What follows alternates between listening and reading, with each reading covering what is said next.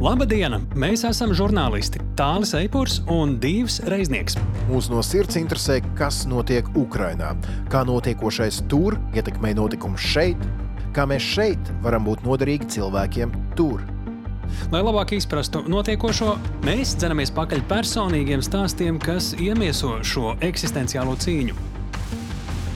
Mēs skaidrojam, ko globāla ziņu virsraksts nozīmē šeit, pie mums. Jo Ukraina cīnās ne tikai par savu brīvību. Ukraina šobrīd ir arī mūsu drošinātājs. Esiet sveicināti visapkārt! Sveiciens mūsu klausītājiem, sveiciens arī tev, Tāli Eipur! Sveiciens arī no manis visiem klausītājiem, tāpēc, ka mēs jau ar jums runājam. Tas, ko divs, nu es, nu, labi, divi tev arī sveiciens. Mēs uh, esam satikušies 31. raidierakstā podkāstā Drošinātājs epizodē. Sāksim mēs ar divu droši vien, jo viņam ir šīs epizodes smagais gals. Smagais gals tas nozīmē, klausītāji, tā nozīmē lielā intervija. Jā. Lielā intervija šoreiz būs ar nu, cilvēku, kurš visu laiku ir ceļā. Cilvēku, bez kura Ukraina nespētu noturēties tā, kā viņi ir spējuši noturēties šo jau vairāk kā gadu. Cilvēks, kurš it kā necils lietas dara, tomēr absolūti svarīgas, proti, cilvēks, kurš piegādā dažādas palīdzības sūtījumus no lielajām bāzēm vai, vai centrālajiem objektiem, tur Kīvā vai Rietumukrainā, piegādā visdažādāko palīdzību piefrontes zonai, civilajiem, pārtiku, ēdienu, apģērbu. Un tā tālāk, tāpat arī armijas vienībām, sarūpētos, saziedotos dažādus, da jebko sākot no. Respektīvi, viņš vienas nezinu, dienas laikā redz gan mierīgo dzīvi Ukrajinā, gan izvairās no šāviņiem. Tieši tā, un viņš vēl vienlaicīgi viņš vēl pelna naudu. Pārdodot mēbeles. Līdz ar to, kā viņš teica, kopš kara sākuma viņam ir bijusi tieši viena brīvdiena, un to pašu viņš nogulējis pilnīgi visu, jo pirms tam 46 stundas viņš ir braucis. Tā nebija brīvdiena. jā. Līdz ar to, jā, mums būs šāda saruna, bet tas raidījuma otrajā daļā. Un mēs, protams, esam arī izmantojuši izdevību, kā katrā no šīm epizodēm, nu jau 31. reizi sazināties ar Kristīnu Bērziņu Vašingtonā.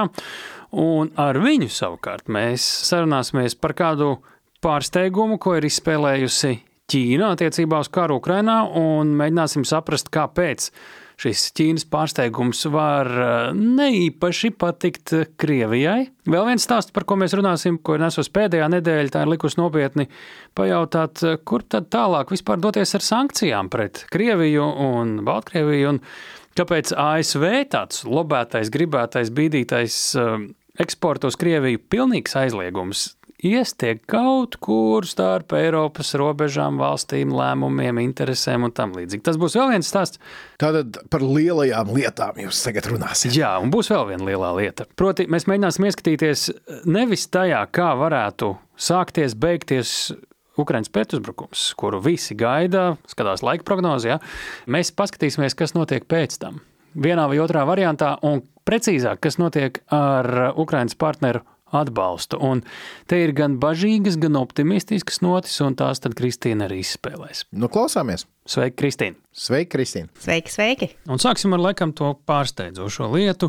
Pirmo reizi kopš Krievijas iebrukuma Ukrainā Ķīna balsojumā ANO attiecībā uz Krieviju nav vis piemēram, atturējusies, bet ir nobalsojusi par. Un par ko tad? Tajā rezolūcijā pieminēta Krievija kā agresoru valsts, nosodīta tās rīcība attiecībā uz kara sākšanu Ukrainā un tālākajām darbībām. Tāpat arī Krievijai pieprasīts kompensēt radītos zaudējumus, saukt pie atbildības vainīgos. Tas tā pavisam savādi skan, jo Ķīna taču mēs vēl paši runājām, nesen vēstīja par militārās sadarbības plāniem ar Krieviju. Kas šis ir? Tā ir tāda miglas pūšana vai vairāk izskatās pēc kāda reāla signāla? Vai pagaidām analītiķi par to vēl tikai čakli diskutē? Diskutē jau vienmēr, bet, ja skatās, pirmais jautājums, par ko bija rezolūcija? Mērķis bija veicināt tuvāku sadarbību starp ANO un Eiropas padomi. Tāpēc jāskatās, jā, Šis ir rezolūcija, kurā nosoda Krievijas uzbrukumu Ukrainā, bet tas ir drusku starp citu. Mērķis bija viens, tas ir par šo divpusēju sadarbību starp lielām starptautiskām organizācijām, kurā arī nosoda Krievijas uzbrukumu Ukrainā. Ja rezolūcija būtu bijusi tikai par karu, nu, tad es, piemēram, šaubos, vai Ķīna būtu balsojusi ar Eiropas valstīm un ar ASV, nosodot dotajā momentā Krieviju. Bet šī bija izdevība. Ķīnai nobalsot par kaut ko drusku citu, kurā starp citu arī var būt Ķīna var uzlikt spiedienu uz Krieviju. Un it kā arī palīdzēt vai izteikt nedaudz atbalstu Ukrainai. Un jāskatās, ka šis balsojums arī notika īsi pēc prezidenta Šī un Zelenska sarunas. Un ja līdz šim Ķīna ir vienīgi draudzējusies ar Krieviju, tad ir jautājums, vai Ķīna tagad cenšas iekustināt vairāk savu jau izteikto mērķi veicināt mieru starp Krieviju un Ukrainu, un tāpēc arī kaut kādu atbalstu izrādīt Ukraiņiem un Ukrainas pusē. Nu, ko tas nozīmē? Pirmais variants Ķīna sāk apdomāties, un varbūt atbalsts Ukrainai ir pareizākais ceļš. Tas pēc manām domām būtu vēl ļoti optimistiski, tāpēc ka jau līdz šim noteikti, un arī tagad vēl joprojām ļoti stiprā saikne starp Ķīnu un Krieviju turpinās. Es neteikšu, ka tagad pēkšņi ar vienu ANO balsojumu Ķīna ir pārmetusies Ukrainas pusē un viss.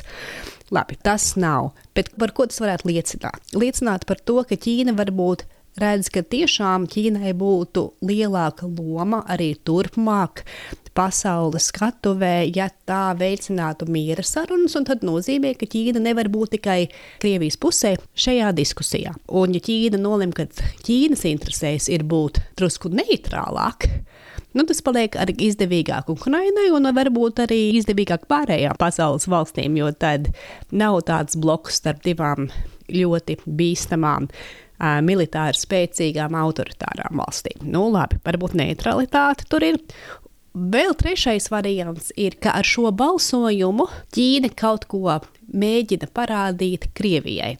Kaut kā izrādīt savu varu, savu teikšanu Maskavai, lai gan ir bijušas augsta līmeņa vizītes, lai gan Ķīna jāatbalsta Krieviju, ka Krievija nevar pavisam paļauties uz Ķīnas atbalstu, ka Krievija tomēr ir mazākais, jaunākais brālis, švakākā puse šajās attiecībās, un ka nemaz atslābt Krievija nedrīkst par Ķīnas atbalstu. Nu tā, pavisam optimistiskais es šaubos. Otrais variants par varbūt augošu neutralitāti, īpaši, ja tā veicinātu Ķīnas globālās intereses, nu varbūt.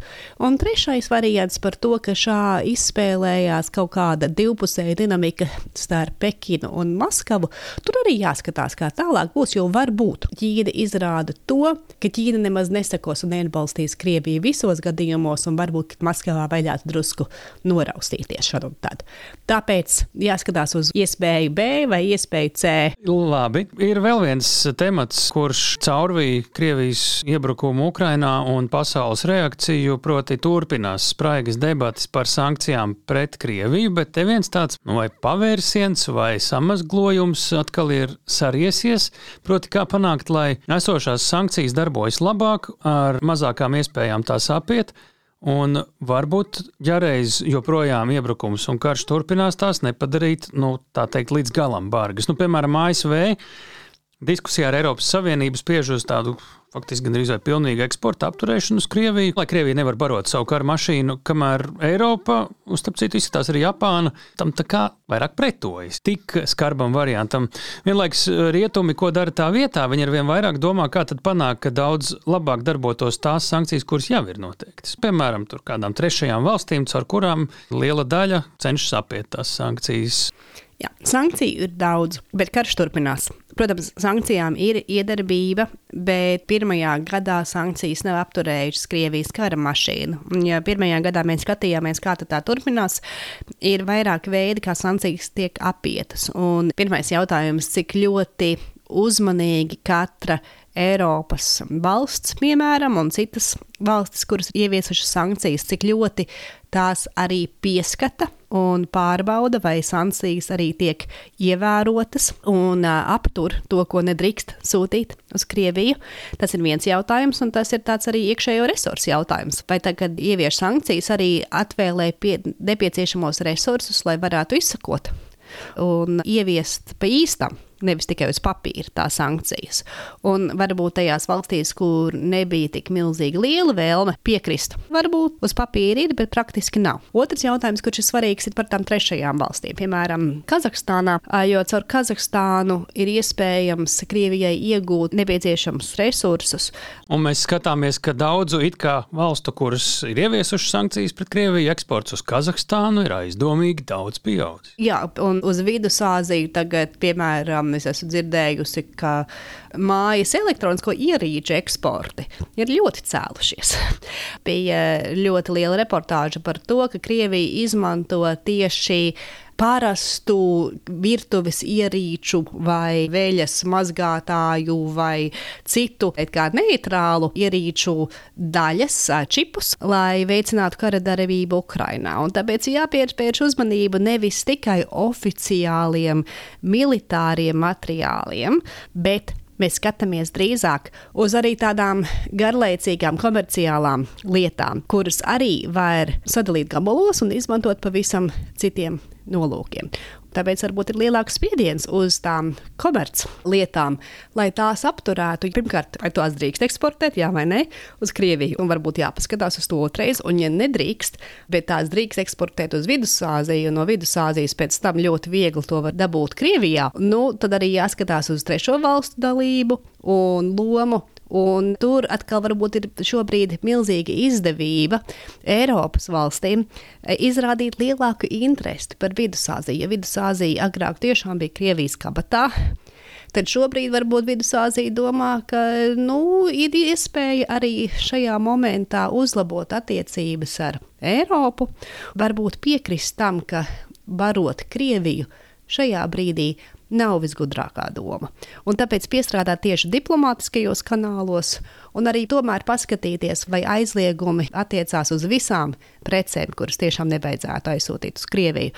Bet vai šobrīd, tā kā nu, jau runājām, ka Vašingtona cenšas vispārēji aizliegt jebkādus eksportus uz Krieviju, laikam izņemot lauksaimniecības materiālus un medicīnas preces. Ar diviem izņēmumiem visu pārējo Uz to es šaubos, vai Eiropa parakstītos un varētu arī daudz tālāk tikt. Pirmkārt, sakārtojot pašmāju sistēmas, un otra lieta ir paskatoties varbūt uz tādām garlaicīgām mājas precēm, kuras ja, īstenībā var palīdzēt radīt gudrus ieročus vai sistēmas. Un tur gan varbūt tomēr būtu vērts pacīnīties tālāk par jaunu sankciju paketi. Nu, tad mums ir vēl viens temats. Te runa ir par, kā jau mēs pieminējām, karš ir ļoti ieildzis, un viena lieta, kuru visi ļoti gaida, cerēja jau uz aprīli vai līdzīgi, tagad jau tūdaļ māja vidus, Ukraiņas pretuzbrukums. Bet mēs te Tagad divi tā neizdomāsim. Nekad tas sāksies, ne pa kurieni Ukrāņi izvēlēsies, ne kā viņi izvēlēsies to triecienu dot.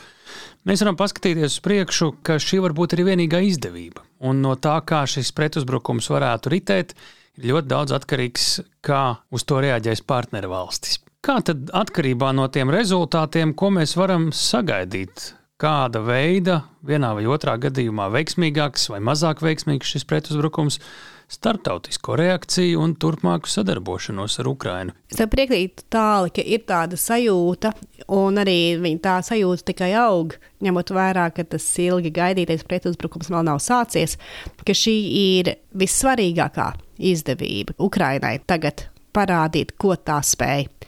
Un, ja neizdodas pretuzbrukums, tad varētu zust motivācija tik lielā mērā kā līdz šim tālāk atbalstīt Ukrainu, jo tomēr tam ir sava cena īpaši arī vietējā politikā.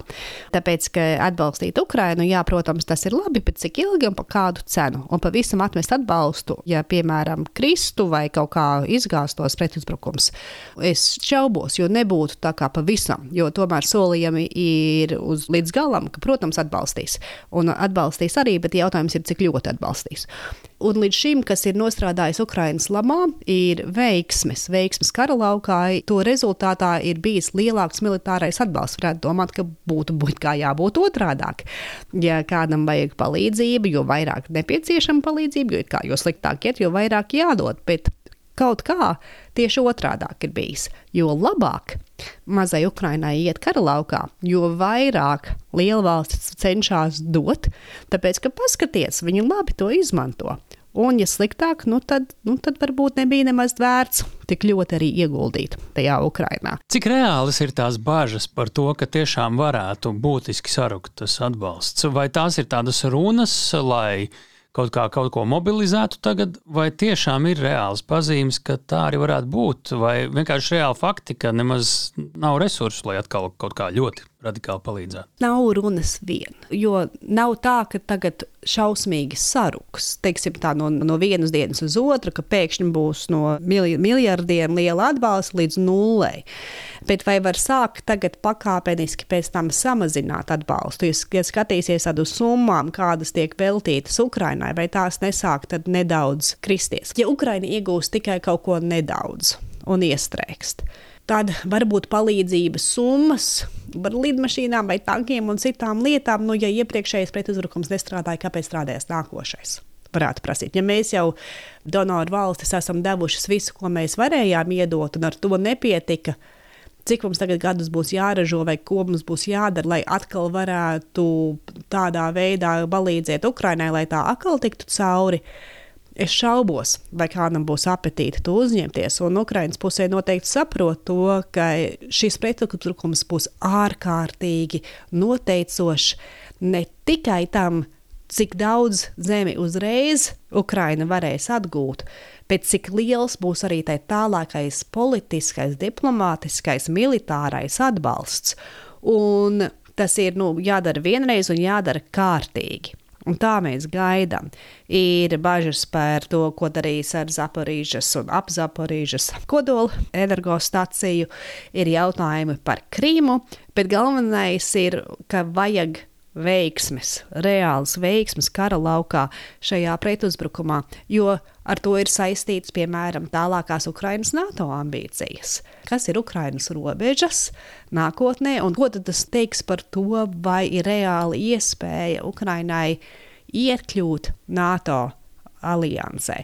Vai tā ir pusukraina, vai tā ir 90% no Ukrainas, vai ir iesaldēts konflikts, vai konflikts beidzās vai šaušana beidzās, vai spridzināšana turpinās. Tas viss vēl šobrīd ir ļoti neskaidri. Un Ukrainai tagad būs tā izdevība noteikt, kāda tās nākotne varētu būt. Jo man ir aizdomas, ka gaidīt vēl otro pretuzbrukumu kaut kādā 24. gadā daudziem nebūs pacietība. Un arī vienkārši skatās uz Vašingtonu, jā, ir atvēlēti milzīgi miljardi Ukrainas atbalstam ar to domu, lai nav pārāk bieži atkal jāiet pie kongresa un jālūdz naudu. Bet pēc gada šeit jau vienīgā interese būs 2024. gada prezidenta vēlēšanas. Un ārpolitika nekad nav galvenā prioritāte debatēs un drīzāk interese par ārpolitiku kaitē jebkura prezidenta kandidātam nokļūt prezidenta krēslā. Tāpēc tīri politiski, un ja gaida uz ASV palīdzību, būtu daudz labāk šogad izcīnīt uzvaru, vai tik cik vien tālu vien var, tāpēc ka prezidenta kandidāti cenšas neņemties ar ārpolitikas jautājumiem tieši vēlēšanu gadā. Nu, ko ap šajā brīdī jāsaka liels paldies un tiekamies jau pēc nedēļas. Paldies, tev, Kristīne! Visu labu! Labi, visu labu!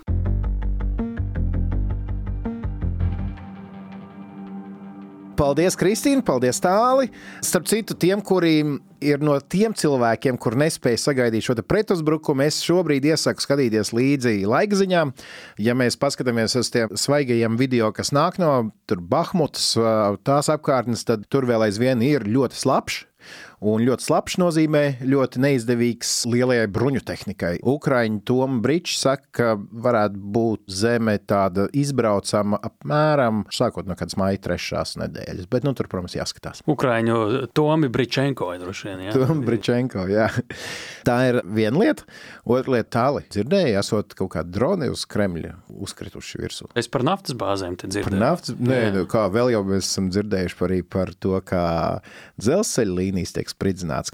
Pīpēšanas nepareizajās vietās, kā to saka. Tās ir biežāk šobrīd. Tās ir, tās ir jā, ar jaunu joni uzjundušas. Braucot pa Krimas tiltu, dūmi ir redzami. Jā, jā, starp citu, tā gan pagājušās nedēļas ziņa, bet pēc tiem pirmajiem atkal lielajiem sprādzieniem Krimā Atkal Krimas tilts vai Kečs tilts, vai vienalga, kā viņu saukt, Krievijas virzienā jau ar sastrēgumiem pilns bija. Nu, jā, tur arī bija brīdinājums Krimas iedzīvotājiem, ka viņiem, viņus aicina neusturēties militāru vai strateģisku vai līdzīgu objektu tuvumā. Redz tā, ka ja mēs paskatāmies uz to, avio triecienu vai jebkādu triecienu vai nepareizas pīpēšanas gadījumiem Krievijas teritorijā, tad tie tiešām ir saistīti ar šiem strateģiskiem objektiem. Savukārt, tad, kad Kremlis palaiž raķetes un, nezinu, tur savos sociālos tīklos ieraksto tieši mērķi, mēs neredzam, ka tur būtu iznīcināts kāds Ukraiņas militārais objekts. Mēs, diemžēl, redzam atkal saspridzināts mājas un civilos cietušos. Un tā jāsaka tā, ka mēs redzam šīs civiliedzīvotāju upurus un bojājumus, bet tā pašā laikā es domāju, ka Ukraiņi arī nevienmēr izstāsta par visiem objektiem, kuri ir sabumboti. Paši arī neliek tīklos. Es domāju, šī kara laikā to ir iemācījušies ļoti labi. Bet mēs tagad runājam par tām lielajām strateģiskajām vai vismaz taktiskajām lietām, bet ir mazie gariņi, uz kuriem tas viss balstās Ukrajinā. Ļoti svarīgi gariņi, kuri paši brīvprātīgie vai vēl citādās versijās eh, iznes ļoti, ļoti lielu daļu šī kara smaguma. Jā, zini, tas ir, es nezinu, ja mēs ieejam mežā, tev ļoti patīk mežs, es zinu, mēs redzam tur, es nezinu, lāci, briedī vai vilku, nu labi, tos pirmo un trešo mēs mazāk droši vien redzam, bet nu, kādu briedi redzam. Mēs redzam tos lielos spēlētājus šajā ekosistēmā. Tāpat arī ir ar Ukraiņas karu, ka ziņās mēs parasti dzirdam lielos vārdus, tur Zelenskis, vēl kāds. Bet mežs nevar izdzīvot bez bitēm vai bez skudriņām ļoti, varbūt it kā sākumā nepamanām, bet tāpat laikā ļoti svarīgiem elementiem tajā visā ekosistēmā. Un šoreiz mums būs šāda saruna ar cilvēku, kurš piegādā visdažādākās palīdzības krāvas Ukrainā, dara to jau apmēram gadu. Viņš pats arī izstāstīs pirmos dažus mēnešus, viņš pavadīja teritoriālajā aizsardzībā. Tas pēc būtības ir zemesardze. Jā, zemesardze. To viņš pats izstāstīs.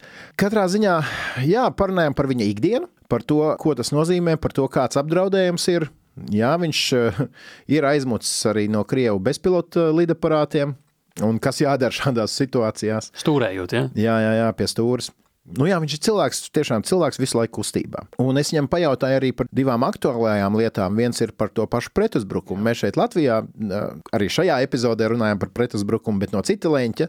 Te es gribēju saprast, kā tieši šie palīdzības eh, gādātāji kā viņi gatavojas pretuzbrukumam. Jo skaidrs, ka militāristiem ir sava gatavošanās, bet izrādās arī viņiem ir sava gatavošanās. Viņi krāja rezerves. Nu, to pats mūsu varonis izstāstīs saviem vārdiem. Un otra lieta, atcerieties, pirms nedēļas Igaunijā izcēlās neliels skandāliņš vai liels skandāls, kur viena no lielajām palīdzības organizācijām, caur kuru tika vākti līdzekļi, vākta visdažādākā palīdzība Ukrainai, atklāja, ka viņu partneri Ļuvivā esot izrādās bijuši krāpnieki. Tur nevis palīdzībai aizgājuši līdzekļi, bet kaut kāds simts tūkstoši vienkārši privātpersonu kabatās. Bet kā tas ar to cilvēku iet kopā, ar kur būs saruna? Jā, es... es vienkārši gribēju saprast no viņu puses, kā tas izskatās. Cik ļoti tas iedragā viņu kaut kādas pūles, šo cilvēku, kuri to dara visu aiz labiem nodomiem. Kā vispār Ukrainā izturās pret šādiem krāpniekiem? Par to viņš arī parunās, un es saku visu laiku viņš, viņš, viņš, bet tas ir Ivans Trubilko. Voluntieris dzīvo netālu no Kievas, un lai viņš tālāk viss izstāsta pats saviem vārdiem. Nu, pirms es vēl saku, klausāmies. Jāatgādina, ka šī atkal ir tā raidierakstu drošinātais epizode, kad jūs varat izvēlēties, kurā valodā to klausīties. Oriģināla valodā šoreiz tā ir ukraiņu valoda, vai arī ar tulkojumu latviešu valodā. Epizodes virsrakstā tas arī ir ierakstīts, un tad jau jūs to varat patīt šurpu turpu, un tagad gan klausāmies.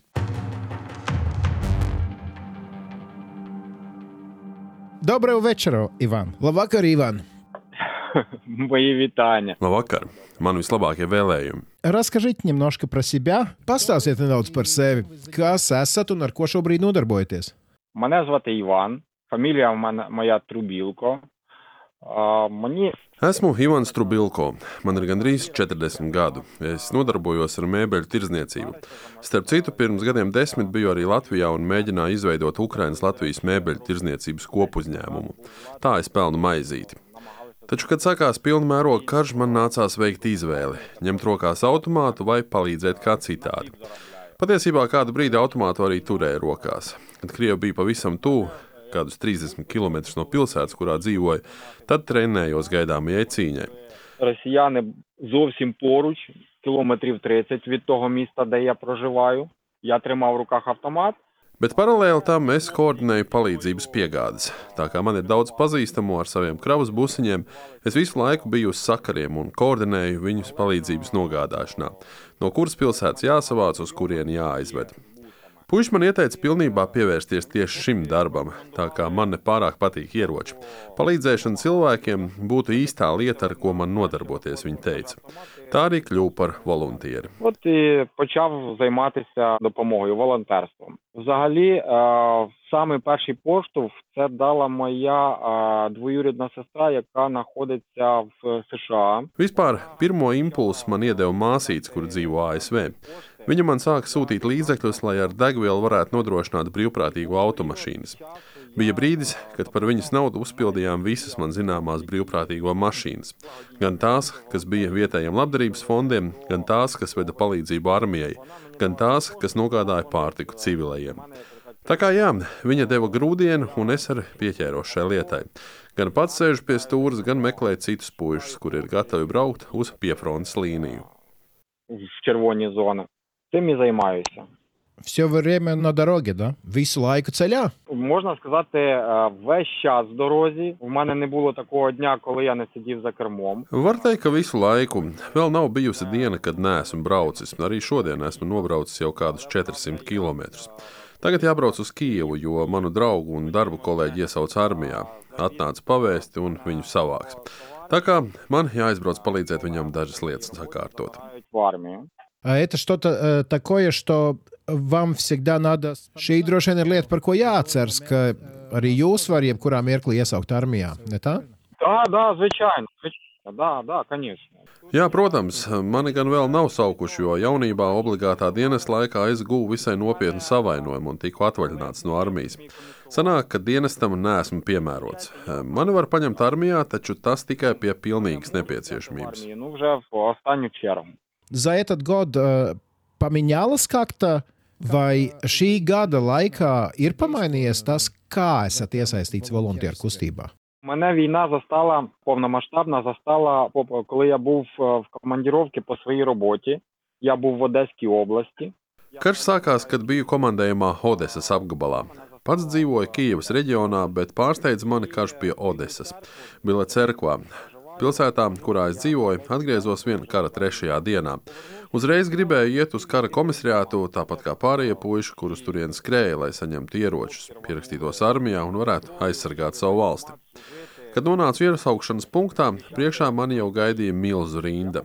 Bet man, ziniet, ir tāds raksturs, ka nevaru vienkārši sēdēt un gaidīt. Vienmēr meklēju kādus variantus, kādu citu izēju. Ja можу сидіти на місці, не можу стояти в чергах. Я весь час шукаю якісь варіанти, якісь виходи. І ем, згадав, що в мене є знайомий, Atcerējos par paziņu, kurš reiz kandidēja uz deputāta vietu. Nodomāju, ka viņam ir vairāk sakaru, un viņš man varēs ieteikt, ko un kur darīt. Vai kādam vajag kādu palīdzību, vai varbūt var ieteikt vienību, kurā varētu dienēt. Un viņš man nosūtīja pie viena pazīstama vietējā, Andreja Serhana, kurš ir kara veterāns ar iesauku Hohols. Tā nokļuva Hohola štābā. і мене відправили це як в штаб Хахла. А цей штаб він займався як і військовими, Viņi tur nodarbojās gan ar militārām operācijām, gan nodrošināja civilo palīdzību. Vedām pārtiku, nodarbojāmies ar cilvēku evakuāciju. Īpaši daudz darījām Černigovā, kuru aktīvi bombardēja. Ar smagajām automašīnām izvedām ļoti daudz cilvēku. Tur braucot, mašīnas bija pilnas ar pārtiku, ūdeni, degvielu, kas tobrīd pilsētā bija ļoti nepieciešama. Tā no kara paša sākuma es apmēram četrus mēnešus nodzīvoju Hohola štābā, kas atradās vienā bumbu patvērtnē, kas ierīkota pagrabā. Apmēram reizes četrās dienās braucu mājās nomazgāties un savest sev kārtībā, un tad atpakaļ.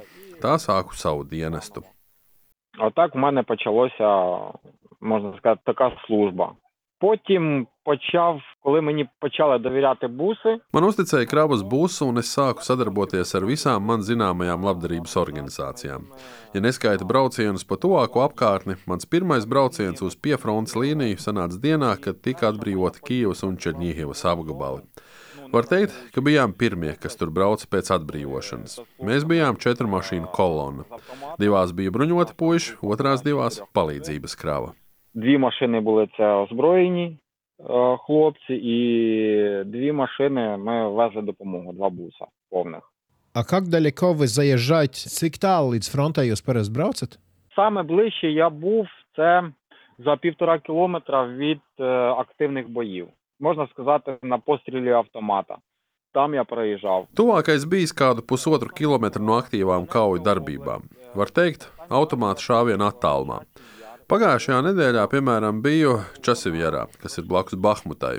Ikdienā man ceļu pārsvarā ved uz Doņetskas apgabalu, gar fronts līniju, arī uz Harkivas, Zaporīžas un Helsinas apgabaliem. Zaporīžska oblast, Helsinska oblast. A što, čevo, ikamu, ko un kam visbiežāk sanāk vest?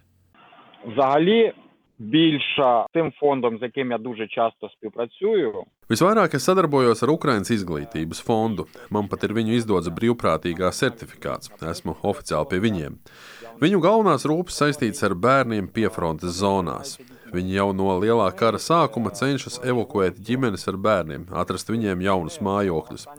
Tāpat strādāju arī ar citām organizācijām, kurām palīdzu kā šoferis. Vedam pārtiks produktus civilajiem piefrontē, tāpat palīdzam armijai. Vedam dronus, ģeneratorus, tēmekļus, kas nopirkt par saziedoto naudu. генератор, ну такі мелочі, які для військових потрібні.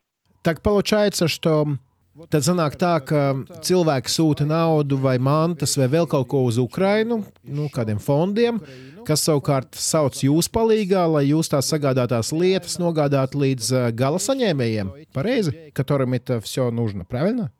Да, да, да. Ну, Tieši tā. Man vienkārši jau ir uzkrāta ļoti liela pieredze braucienos uz piefrontes zonām, un tā kā daudziem šādiem fondiem nav sava transporta vai vedēju, tad viņi aicina tālāk mani. Es savukārt sarunājos ar draugiem, kuri var aizdot būsus. Tad nu vienojamies par konkrētu laiku, kad es šo palīdzību varu aizvest. Ir bijis tā, ka vienā nedēļā es veicu pat trīs braucienus uz priefrontes zonu. Aizbraucu, atbraucu, pārsēžos citā busā, kurš jau piekrāmēts ar lietām, un braucu atkal. Bet parasti grafiks ir tāds, ka braucu vienu reizi nedēļā. Ja ne uz Doņetskas, tad uz Harkivas vai Helsonas apgabalu. як не в Донецькій, то в Харківській, то в Херсонській області. Извиняюсь за такой банальный вопрос, ka man jāatvainojas par tādu banālu jautājumu, kur droši vien varētu uzdot tikai ārzemnieks, bet uh, vai jums nav bail? Мені вже не страшно. Man vairs nav bail. Sākumā gan bija ļoti biedējoši. Почему? Kāpēc? Воно привикається. Esmu pieredzējis. Nē, nu, protams, es baidos, bet tās bailes vairs nav tādas kā kara sākumā. Īpaši biedējoši ir, kad par tevi sāk šaut. В той момент дуже страшно. Было такое? Tā ar jums ir noticis. Під обстріл, да, звичайно, я попадав уже неоднократно. Jā, jau reiz vien sanāca nokļūt apšaudēs. Divas reizes sanāca arī aizbēgt no Krievijas bezpilota lidaparāta Orlāna. Esmu arī bijis situācijā, kad apkārt sprāgsta gradlādiņi. Коли градами обстрілювали. А Что в такой ситуации ты можешь делать? Ko šādās situācijās vispār var darīt? Kas ir pats galvenais? Концентрація, щоб можна було сконцентруватись. е, Uzmanības koncentrācija. Man ir jākoncentrējas uz to, ka braucu ar mašīnu. Nedrīkst apjukt, nedrīkst lēkt laukā no auto. Svarīgākais uzdevums ir aizbēgt. Tad tu spied uz gāzes pedāli līdz pēdējiem, brauc cik ātri vien iespējams. Paldies Dievam, visas situācijas ir beigušās laimīgi. Vienu reizi gan būs dabūjis ciest no lādiņa fragmentu trāpījuma, taču postījumi nebija lieli. Tā kā visi dzīvi un veseli. Вы говорите, что вам... Jūs sakāt, ka jums vairs nav bail, bet uh, vai tā var teikt arī kopumā par Ukrainu kā nāciju? Ні, я б сказав би, що е, нація взагалі е, ну багато людей вони по-своєму бояться. Nē, es teiktu, ka tautā ir daudzi, kurā savā veidā baidās, taču nav panikas. Nav šīs apziņas, ka viss beigas, neko nevaram izdarīt. Es teiktu tā. Mēs baidījāmies, tad apstājāmies, ievilkām elpu, piecēlāmies un devāmies tālāk. Величезна кількість людей працює на своїх роботах для того, щоб могли платити. Milzīgs skaits cilvēku šobrīd strādā savus darbus, lai varētu samaksāt nodokļus, lai varētu palīdzēt uzturēt armiju, viens otram palīdz. Es esmu ļoti patīkami pārsteigts redzot, cik ļoti Ukrāņi ir satuvinājušies un palīdz viens otram. Jā, ne visi, bet lielākā daļa, un tas ir ļoti jauki. Ну, більшість. Оце що приємно. А как за вот э, этот прошлый год, vai pēdējā gada laikā ir izmainījies jūsu skatījums uz pasauli? Да, да, да. Я хочу сказати, змінився. А раніше Jā, ir mainījies. Ja agrāk es plānoju dzīvi gadiem uz priekšu, tad šodien var teikt, ka es savus darbus plānoju uz vienu dienu. Dzīvoju vienai dienai. Saprotu, ka katra diena var būt pēdējā, un nav svarīgi, kur atrodos, jo bombardēta tiek praktiski visa valsts teritorija. обстрілюють м, практично всю, всю територію. Я понимаю, что это означает. Es it kā saprotu, ko tas nozīmē, bet kā tas izpaužas reālajā dzīvē? Nu, tā apziņa, ka nezinu, pienāks nākamā diena vai nepienāks. Я не планую великих планів. Стараюся насолодитися кожною хвилиною. Es netaisu lielus plānus, cenšos izbaudīt katru savu dzīves mirkli, kas man dots. Es neatpūšos, nezinu kāpēc. Man jau gadu nav bijusi brīva diena. Vienmēr esmu aktīvā kustībā. Patiesībā bija viena brīvdiena, kad bija nobraucis 28 stundas, un tad veselu diennakti vienkārši nogulēju. Майже цілі сутки я отсипався. Да, це в мене такий був вихідний. Да. А взагалі е, щодня я прокидаюся і щодня Katru dienu cenšos darīt ko noderīgu. Ja ne kādam fondam, tad cilvēkiem, kuri zvana un lūdz palīdzību. Viņi paši tad apmaksā braucienu, un es nogādāju, ko vajag. Un, protams, cenšos kaut ko nopelnīt arī savā darbā. Ну і стараюся, звичайно, е, заробляти е, кошти. В мене є і своя робота. Вот я хотел спросить, tieši gribēju prasīt, ja visu laiku palīdzi, nu, es taču arī vajag. Volontieriem kaut ko maksā, nemaksā, kā tās lietas ir sakārtotas? За волонтерство я не отримав жодної копійки. Par volunteera darbu nesaņem nevienu kapeiku. Man ir arī savs darbs, kurā es pelnu. Nevaru teikt, ka ļoti daudz, taču dzīvošanai pietiek. Daļu savas naudas pat atdodu par degvielu šiem palīdzības braucieniem, jo, dodoties ceļā ar saziedotajām kravām, nevienmēr ir pieejama visa nauda, kas vajadzīga, lai samaksātu par degvielu turp un atpakaļ ceļam. Tad parasti izsludinām ātrā līdzekļu vākšanas kampaņu, taču nevienmēr sanāk savākt visu nepieciešamo. Tad nāks ieguldīt arī no sevis. Viens šāds brauciens parasti izmaksā ap 12,000 grivnu, kas ir aptuveni 350 eiro. Не ошибаюся, перекласти на євро це 350 євро. Це одна в мене поїздка обходиться. Только там на бензин, да? Tas tikai degvielai? Так, це тільки на паливо, не враховуючи те, що Jā, tas ir tikai par degvielu, neņemot vērā, ka vajadzīgs arī kaut ko paēst pa ceļam, lai nebūtu izsalkuši. Vēl kaut kur naktī jāpārlaiž. Jāsaka, aptuveni 30-40% savu mēnešu ienākumu iztērēja, lai piemestu degvielai, kas vajadzīga šiem braucieniem. з Латвії мені допомагають дві людини. Вони мені е, це Інгріда. Finansiāli man palīdz arī divi cilvēki no Latvijas. Ingrīda ir žurnāliste. Viņas uzvārdu neatklāšu. Viņa man ik pa laikam pārskaita kādu naudu, kas aiziet degvielai. Tas ir ļoti patīkami un arī atvieglo manu darbu. Tāpat palīdzēja Eriks, kurš dzīvo Rīgā un bija mans kolēģis laikā, kad mēbeļu biznesu centos izvērst Latvijā. Tad vēl ir mans kolēģis, kurš ļoti palīdz ar savu piecstonnīgo auto. Viņš apstrādā pasūtījumus, tad sakraujam mēbeles viņa mašīnā un uz divām diennaktīm dodamies komandējumā, lai nopelnītu naudu.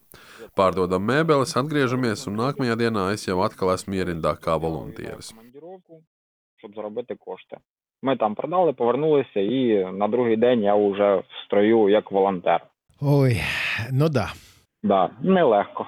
Jā, nav viegli. В этом году из шока не сталкивались, vai šī gada laikā esat vēl kā saskāries ar Latviju? Nu, Varbūt kādi sūtījumi no Latvijas bijuši, kas jāaizved, vai varbūt kāds latviešu volunteers sastaps. Да, от е, дивіться, е, фонду, який, е, в якому я Jā, vienam fondam, kurā skaitos oficiāls volunteeris, ir buss, kas uzdāvināts no Latvijas. Nu, vajadzēja nedaudz pieremontēt, bet pēc tam lieliski noderēja.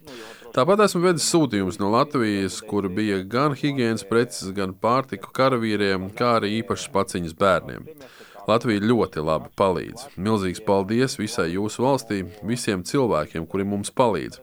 Mums tas ir ļoti vajadzīgs. Esam pateicīgi par jūsu atbalstu, un esmu pateicīgs ikvienam, kas dalās ar to, ko var. Lielas paldies!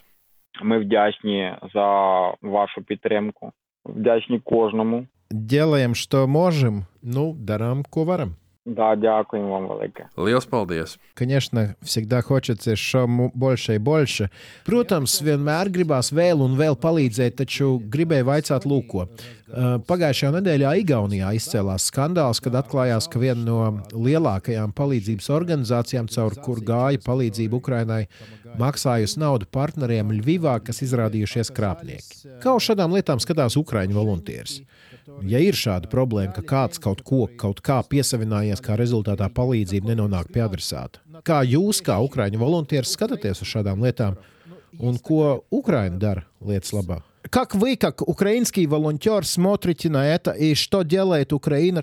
Я хочу сказати, що на початку війни величезна кількість людей Kara sākumā Ukrāņiem sāka palīdzēt milzīgs skaits cilvēku no ārzemēm. Šo situāciju izmantoja daudzi afēristi. Ļoti lielas naudas summas nekur tālāk par viņu kabatām nenokļuva. Palēnām šīs lietas izgaismojas, protams, vēl ne visas.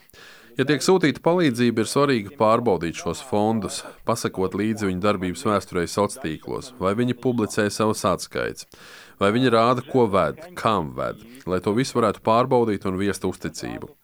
Es sadarbojos ar četriem fondiem un zinu, ka sev viņi nav paņēmuši nevienu kapeiku, un visi līdzekļi nonāk tur, kur tiem jānonāk, jo es personīgi nogādāju šo palīdzību. Ідуть туди, куди потрібно, бо а, сам особисто доставляю цю допомогу. Навіть в мене в Києві є Piemēram, Kijavā ir organizācija, kas jau no paša kara sākuma sāka ražot bruņuvestes, un viņi tās izdalīja militāru personām patiešo, bez starpniekiem. Nevis kādai armijas daļai, bet tieši tiem karavīriem, kuriem tās nepieciešams. Paši saprotiet, ja ir kauja un tava pozīcija tiek iznīcināta, viss palicis tur. Attiecīgi, viņi apkalpo karavīrus patiešo. Zinu, ka caur šo organizāciju gāja visai mazas summas, lai arī metāls nav lēts, taču viņiem viss ir uzskaitīts. Es ar viņiem esmu sadarbojies. Pats personīgi četras reizes ar piecstundīgo busu braucu. Sanāk 500 bruņu vestes vienā reizē. Tātad kopumā bez starpniekiem uz fronts līniju aizvedām puišiem 2000 bruņu vestes. Bet blēžu pietiek. Es gan gribētu teikt, ka to jau ir krietni mazāk, jo cilvēki sāka pārbaudīt, kam palīdzība tiek sūtīta. А мошенників хватає. Е, Хочу сказати, хватає, але їх вже набагато менше, так як люди вже починають перевіряти, кому вони допомагають. Но это враги ваши тоже, правильно? Bet tie sanāk arī jūs ienaidnieki, ne? Ну, Так, звичайно, звичайно. Jā, protams, protams, bet nu, viņus atrod, viņus soda. Manā paziņu lokā gan nevienu tādu nezinu, kurš būtu par šo sodīts, taču ziņās parādās šāda informācija. Gribu teikt, ka Ukraiņas iedzīvotāji jau paši sāk aktualizēt šo problēmu. Ukraiņi paši sāk izgaismot šādus afēristus un vēršas pie visām iespējamām iestādēm, kas var pārtraukt šādas darbības un sodīt vainīgos. Tauta pati palīdz un pievienojas šai cīņai. Народ уже сам, сам також допомагає, приєднується до цієї боротьби.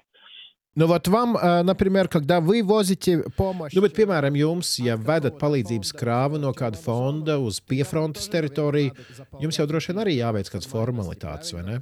Да, да, звичайно, звичайно. Ми заповняємо е, путіві листи, що веземо.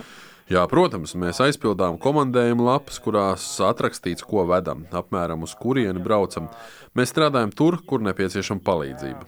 Parasti esam viena no pirmajiem, kas ierodas nu pat atbrīvotajās teritorijās. Lielajās apdzīvotajās vietās parasti drīz parādās palīdzība no lielajām organizācijām, deputātiem un citiem, kas palīdzību ievada fūrēm vien. Tad mēs meklējam mazākas apdzīvotas vietas, līdz kurienei šī palīdzība nenonāk. Потрібно. Ми їх шукаємо це в невеличких е, поселеннях, е, в невеличких містах, куди не доїжджає велика допомога. Что šās, когда zima закончилась, mēs tagad, kad ziema beigusies un gaidām vasaru, kas ir pats nepieciešamākais šādos, piemēram, mazajos ciemos? Kas viņiem ir vajadzīgs tieši šobrīd? Kas ir pats aktuālākais? не враховуючи, наприклад, продуктів харчування. Bez pārtikas, protams, aktuālākais ir higiēnas lietas. Daudziem vienkārši nebija iespēja pie tām tikt, jo veikali tika izlaupīti vai aizslēgti. Arī apģērbs, apavi. Tas ir tas galvenais. Продукти харчування, гігієна, одяг. Оце що в основному цей. Ну, мы уже пару месяцев уже э, слушаем про то, что skoro-skoro будет. Э, jau vairākus mēnešus mēs dzirdam par to, ka pavisam drīz būtu jāsākas lielajam pretuzbrukumam.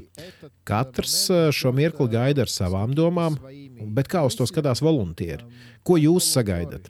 Es vienkārši domāju par to, kā atbrīvoja Harkivas reģionu. Tur vienā mirklī uzreiz bija ļoti plašas deokupētas teritorijas. Ar kādām домам jūs sagaidat šo pretuzбруку? Какими мыслями вы ожидаете это контрнаступление? Ми вже на низькому старті. В нас є, як то кажуть, дежурних. Jau esam zemajā startā. Mums ir dežūra rezerves, piemēram, Ukraiņas izglītības fonds jau ir sarūpējis pārtikas produktus, ar ko piepildīt vismaz divas būsa kravas. Tiklīdz teritorijas tiks atbrīvotas, esam gatavi tur nokļūt pēc iespējas ātrāk. Šīs rezerves ir sagādātas un netiek aiztiktas, lai pareizajā brīdī tās varētu nogādāt, kur vajag, pēc iespējas ātrāk. Esam zemajā startā. Ar lielām cerībām gaidām, kad varēsim tur aizvest pēc iespējas vairāk palīdzības. Gaidām uzvaru ar nepacietību. Максимально багато допомоги будемо возити туди. Хочеться, щоб країна вже була вільна. Ми хочемо вже перемоги.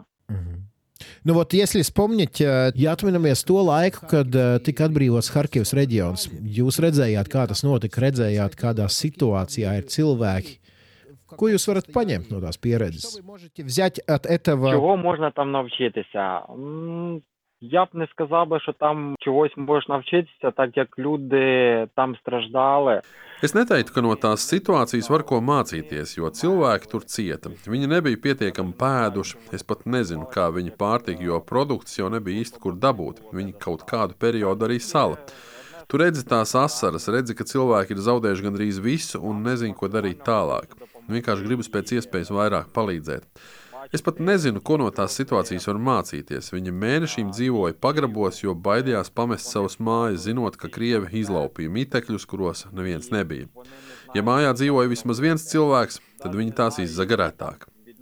Ja māja bija pamesta un tur neviena nebija, tad viņi to vienkārši izlaupīja, izpostīja un turpina to darīt joprojām. Tā kā bez līdzjūtības es neredzu, ka no tās pieredzes varētu ko paņemt. Так що, крім сострадання, там нічого, нічого немає. Что вам лично пожелать? Ko jums personīgi novēlēt? Nu, щоб всегда... Nu, lai vienmēr būtu iespēja uzpildīt savu auto, vai būtu kam pajautāt, palīdzēt to izdarīt. Попросить його. Большое спасибо, дякую. Liels paldies jums! Це вам дякую. Paldies par palīdzību un atbalstu visai jūsu valstī un cilvēkiem, kuri palīdz. Mēs esam jums ļoti pateicīgi katram. Jūs ļoti daudz darāt un esam tik gandarīti par to. Esmu pārliecināts, ka jūsu palīdzība atgriezīsies pie jums simtkārtīgi. Liels jums paldies! І я впевнений, що ваша допомога вернеться вам з корицею. Дякую вам велике. Paldies Dievam Reizniekam, paldies Ivanam Trubilko. Mēs uh, redzam to milzīgo darbu, ko izdara lielie mazie Ukraiņas cilvēki, kuri katrs ir iedavuši neatsveramu ar tavu ļoti daudz no viņiem tajā, lai tas karš tiešām notiktu tik sekmīgi, kā tas ir noticis līdz šim. Es apzināti saku sekmīgi, jo Ukraina joprojām ir ciņā. Tieši tā, svarīgi ir, man liekas, tas, ka katrs atrod to savu pareizo vietu. Jo ne katrs ir radīts tur karošanai, ne katrs ir radīts, lai brauktu 24 stundas diennaktī pie stūres. Un tad, kad tu atrod to savu īsto vietu, tad acīm redzam arī notiek lietas. Bet, lai šīs lietas varētu notikt veiksmīgi arī turpmāk, es parunājos arī vēl ārpus intervijas ar Ivanu vai Vaņu, kā viņi arī sauc, līdzekļi, kas ir vajadzīgi degvielai kaut vai kā mēs dzirdējām, ja viņš brauc vismaz reizi nedēļā, tie 350 eiro vismaz. Tā situācija ir tāda, ka kaut kad ir tā nauda, kaut kad nav tā nauda. Atkarīgs no tiem arī fondiem, ar kuriem viņš sadarbojas. Busus viņš arī aizņemās. Viņš saka, nu, tā, ka, ja brauc uz piefrontes zonu, tad vienmēr viņam kāds aizdod tos busus. Nu, es nezinu, es viņam jau ieteicu ar Twitter konvoju sazināties. Varbūt kāda mašīna no Latvijas varētu nonākt pie viņa. Vai arī, ja jums šķita šis svarīgi, ko dara Ivans, tad jūs viņam arī varat nosūtīt kādu kapeiku benzīnam.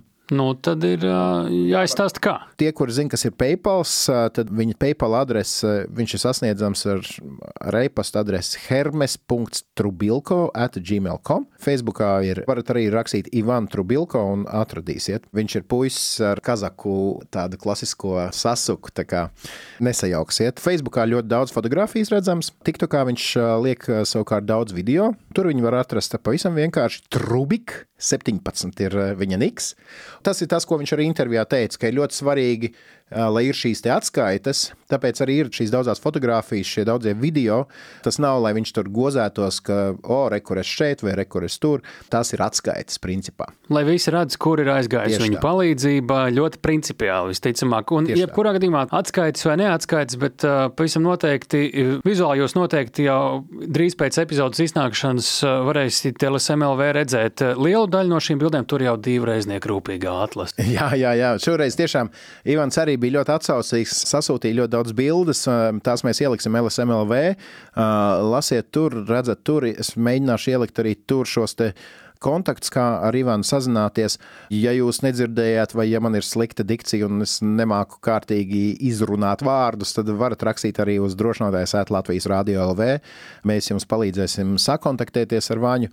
Tā kā jā, ja jums šita svarīgi, padalieties ar interviju, lūdzu, padalieties ar visu šo raidierakstu epizodi, pārsūtiet, ja komentējat sociālajos tīklos, izmantojiet tēmturi drošinātājs, tad arī mēs ieraudzīsim jūsu sacīto. Un lieciet īkšķīšus vai sirsniņus, jo zinātājs saka, ka tas padara to raidierakstu pamanāmāku, un mums nevienā vien ir pastāstīts par iespējām palīdzēt. Tā jūs varat vienkārši kaut vai ieliekot šo patīk vai īkšķīti palīdzēt nejauši kādam. Ja? Jauši vai nejauši, bet mūsu epizode līdz ar to ir nonākusi līdz izskaņai. Un izskaņā mēs varam nedaudz ļaut jums pašpikot, kas tad mums būs nākamajā epizodē. Un, eh, ja mēs sarunā ar Ivanu dzirdējām, ka viņš dodas uz piefronti, ved palīdzību, tad nākamajā epizodē mēs dzirdēsim sarunu ar cilvēku, kurš pats ir bijis, nu, kā viņš teica, nulītē.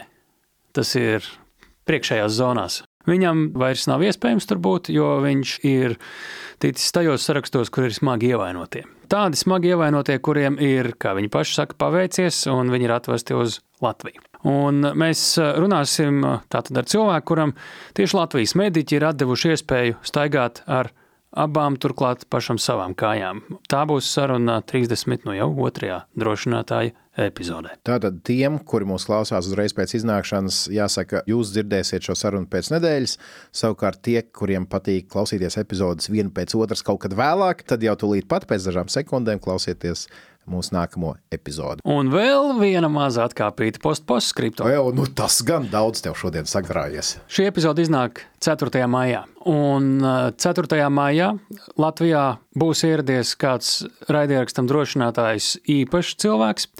Tā ir mums uh, visiem mīļā medmāsīņa Sarmīta Cīrule. Viņai Latvijā atvēlētas vien burtiski dažas pāris dienas, un iemesls ir ļoti, ļoti skaists augsts apbalvojums, Viestura ordenis, augstākais militārais apbalvojums Latvijā, un šajā 4. maijā viņa to saņems no acīm redzot bruņoto spēku augstākā virspavēlnieka. Tas mums ir Latvijā valsts prezidents. Jā, nu ko, sveiciens armītai, sveicien arī jums, klausītāji, tiekamies pēc nedēļas.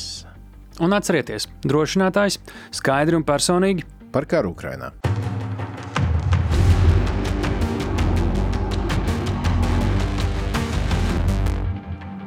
Raidieraksts drošinātājs.